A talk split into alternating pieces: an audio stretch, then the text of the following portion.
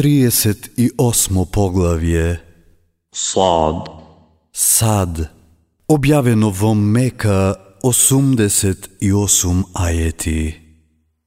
Аузу биллахи мина шейтани раджим Во името на Аллах се милосниот милостивиот.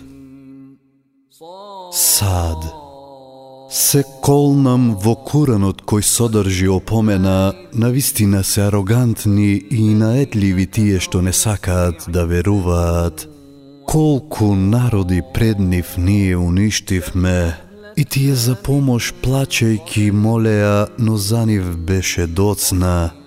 Тие се чудат што еден од нив им дошол за да ги предупредува и неверниците велат Тој е маѓепсник, лажливец. Зарем тој боговите да ги сведе само на еден бог?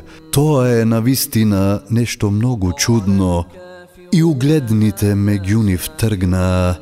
Одете и истраите со божествата своји. Навистина тоа е нешто што се сака. За ова не сме слушнале во верата на предците наши, ова не е ништо друго освен наместена лага. Зошто меѓу нас токму нему да му биде пратена опомената, но тие во опомената моја се сомневаат затоа што казната моја не ја искусиле. Зарем кајнив се ризниците на милоста на Господарот Твој, силниот и дарежливиот, Зарем тие имаат власт над небесата и над земјата и над тоа што е меѓу нив? Тогаш нека се искачат со скали по патеките небесни. Тие представуваат незначителна сојузничка војска која таму ќе биде поразена. И уште пред нив ги сметаа за лажни своите пратеници, народот на Нух и Ад и фараонот, собственикот на градбите огромни, и Семут и народот на Лут и жителите на Ејка, тие против пратениците правеа завери. Сите тие залага ги клеветеа пратениците и казната моја ја заслужија. А и овие не чекаат освен еден звук на рогот кој нема да биде потребно да се повтори и велат Господару наш, побрзај и казнине пред денот во кој делата ќе се пресметуваат. Ти стрпи се за тоа што го говорат и сети се на робот наш Давуд, цврстиот во верата, кој секогаш на Аллах му се обраќаше. Ние планините ги подчинивме заедно со него да го слават и да го величаат Аллах пред сонцето да зајде и откако ќе изгрее, а и птиците собрани, сите тие нему му се обраќаат. И го зацврстивме царството негово и му дадовме веровесништво и мудрост исправно да суди и да расудува. А дали до тебе допре веста за парничарите кога преку зидот на Михработ премина, кога кај Давут упадна, па тој од нив се исплаши. Не плаши се, рекоа, ние сме двајца парничари, еден кон друг сгрешивме, па според правдата пресудини, не биди пристрасен и на вистинскиот пат упатине. Овој мој пријател има 99 овци, а јас само една, и тој ми рече, дај ми ја мене.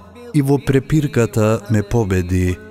На вистина ти сторил неправда, рече Давуд, со тоа што барал овцата твоја да ја додаде на овците своји. Многумина ортаци си прават неправда едни на други, а единствено тие што веруваат и што прават добри дела не го прават тоа и таквите се малку. И Давуд се увери дека ние токму него на искушение го ставивме, па за прошка од господарот свој замоли, падна со лицето на тло и се покаја. И ние тоа му го простивме и тој ние на вистина близок и прекрасно престојувалиште го чека.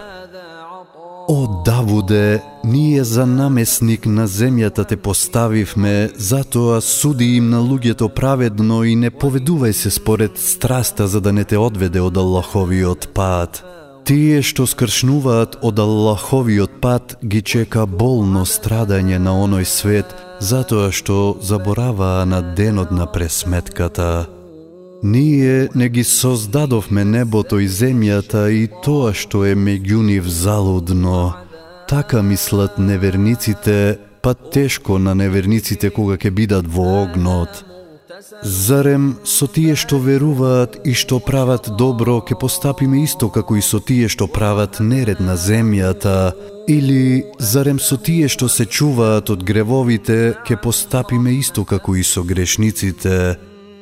Книгата која ти ја објавуваме е благословена за тие да размислат за зборовите неизини и за тие што се обдарени со разум да примат поука. Ние на Давуд му го подаривме Сулейман, тој беше прекрасен роб и многу се каеше. Кога една вечер пред него беа изведени брзи коњи кои на три нозе стоеја, а со четвртата едва и земјата ја допираа, тој рече Наместо да мислам на господарот свој, јас покажувам љубов кон богатството, и тие му се изгубија од видот. Вратете ми ги, и тој почна да ги гали по нозете и по вратовите. Ние Сулейман во искушение го доведовме и неговото болно тело на престолот го задржавме, но потоа оздраве. Господару мој, рече, прости ми и подари ми власт каква никој освен мене нема да има. Ти си на вистина тој што богато дарува. И ние му ги подчинивме ветрот кој според заповедта негова благо дуваше таму каде што тој сакаше и шејтаните, сите градители и нуркачи и други вокови оковани. Ова е нашиот дар, па ти дарувај или задржи, поради тоа нема да одговараш. Тој ни е на вистина близок и го чека прекрасно престојувалиште. И сети се на робот наш Ејуб кога на господарот свој му залипа. Шејтанот ме допре со несреки и со страдање. Удри со ногата по земја. Ете ти ладна вода за капење и пиење. И ние од милоста наша семејство му даривме и уште толку покрајнив, да биде поука за тие што имаат ум. И земи со раката своја сноп и со него удри, само заклетвата не ја прекршувај. Ние знаевме дека тој е издржлив, прекрасен роб беше тој и многу се каеше. И сети се на робовите наши Ибрахим и Исхак и Јакуб, сите во верата цврсти и проникливи. Ние ги обдаривме со една посебна доблест, секогаш да им е на ум оној свет, и тие на вистина кај нас се од одбраните добри луѓе. И сети се на Исмаил и на Елиеса и на Илиас и на Зулкифал. Сите тие беа од најдобрите луѓе. Ова е убав спомен, а тие што од гревови ке се чуваат, ги чека прекрасно престојувалиште, еденски градини, чии што капи и за нив ке бидат отворени, во кои ке бидат подпрени и разновидно овошје и пијалак ке бараат. Покрај нив ке бидат хуриите со исти години кои пред себе ке гледаат.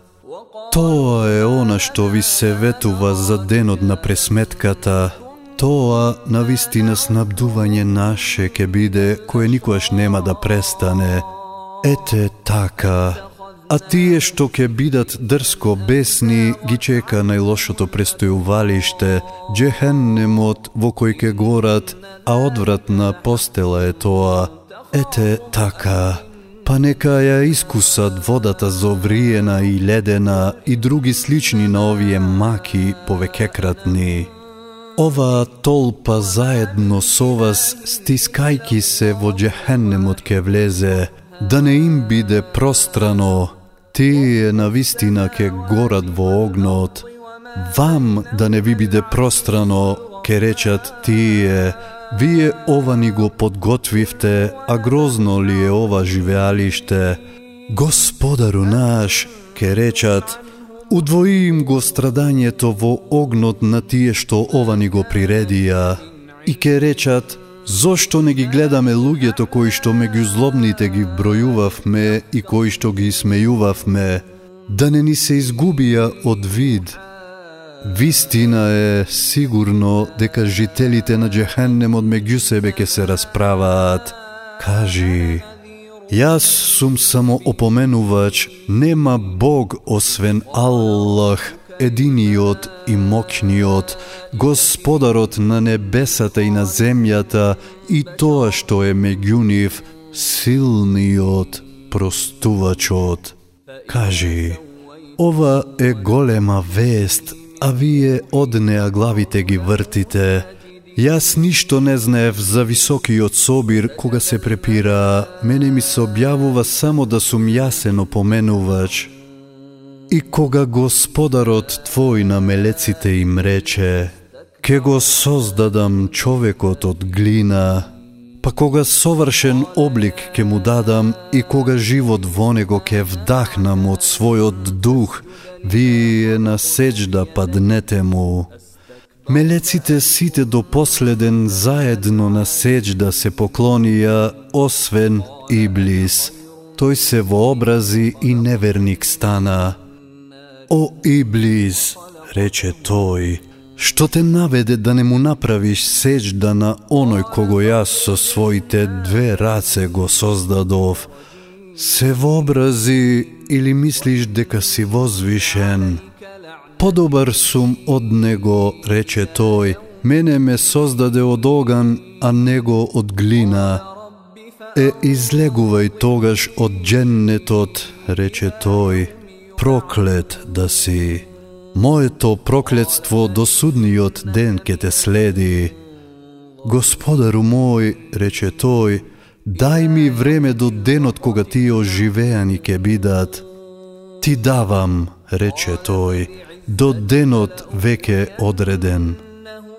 Па се колнам во достоинството Твое, рече, сигурно сите ке ги наведам да застранат, освен меѓу нив Твоите искрени робови. Во вистината се колнам и вистината ја зборувам, рече Аллах. Сигурно джехеннемот ке го наполнам со сите, со тебе и со тие кои што ке се поведат по тебе. Кажи, Јас не барам од вас за Куранот никаква награда и јас не се преправам, го пренесувам само тоа што ми се наредува. Куранот е на вистина опомена за целиот свет и вие наскоро ќе ја дознаете неговата порака. نبأه بعد حين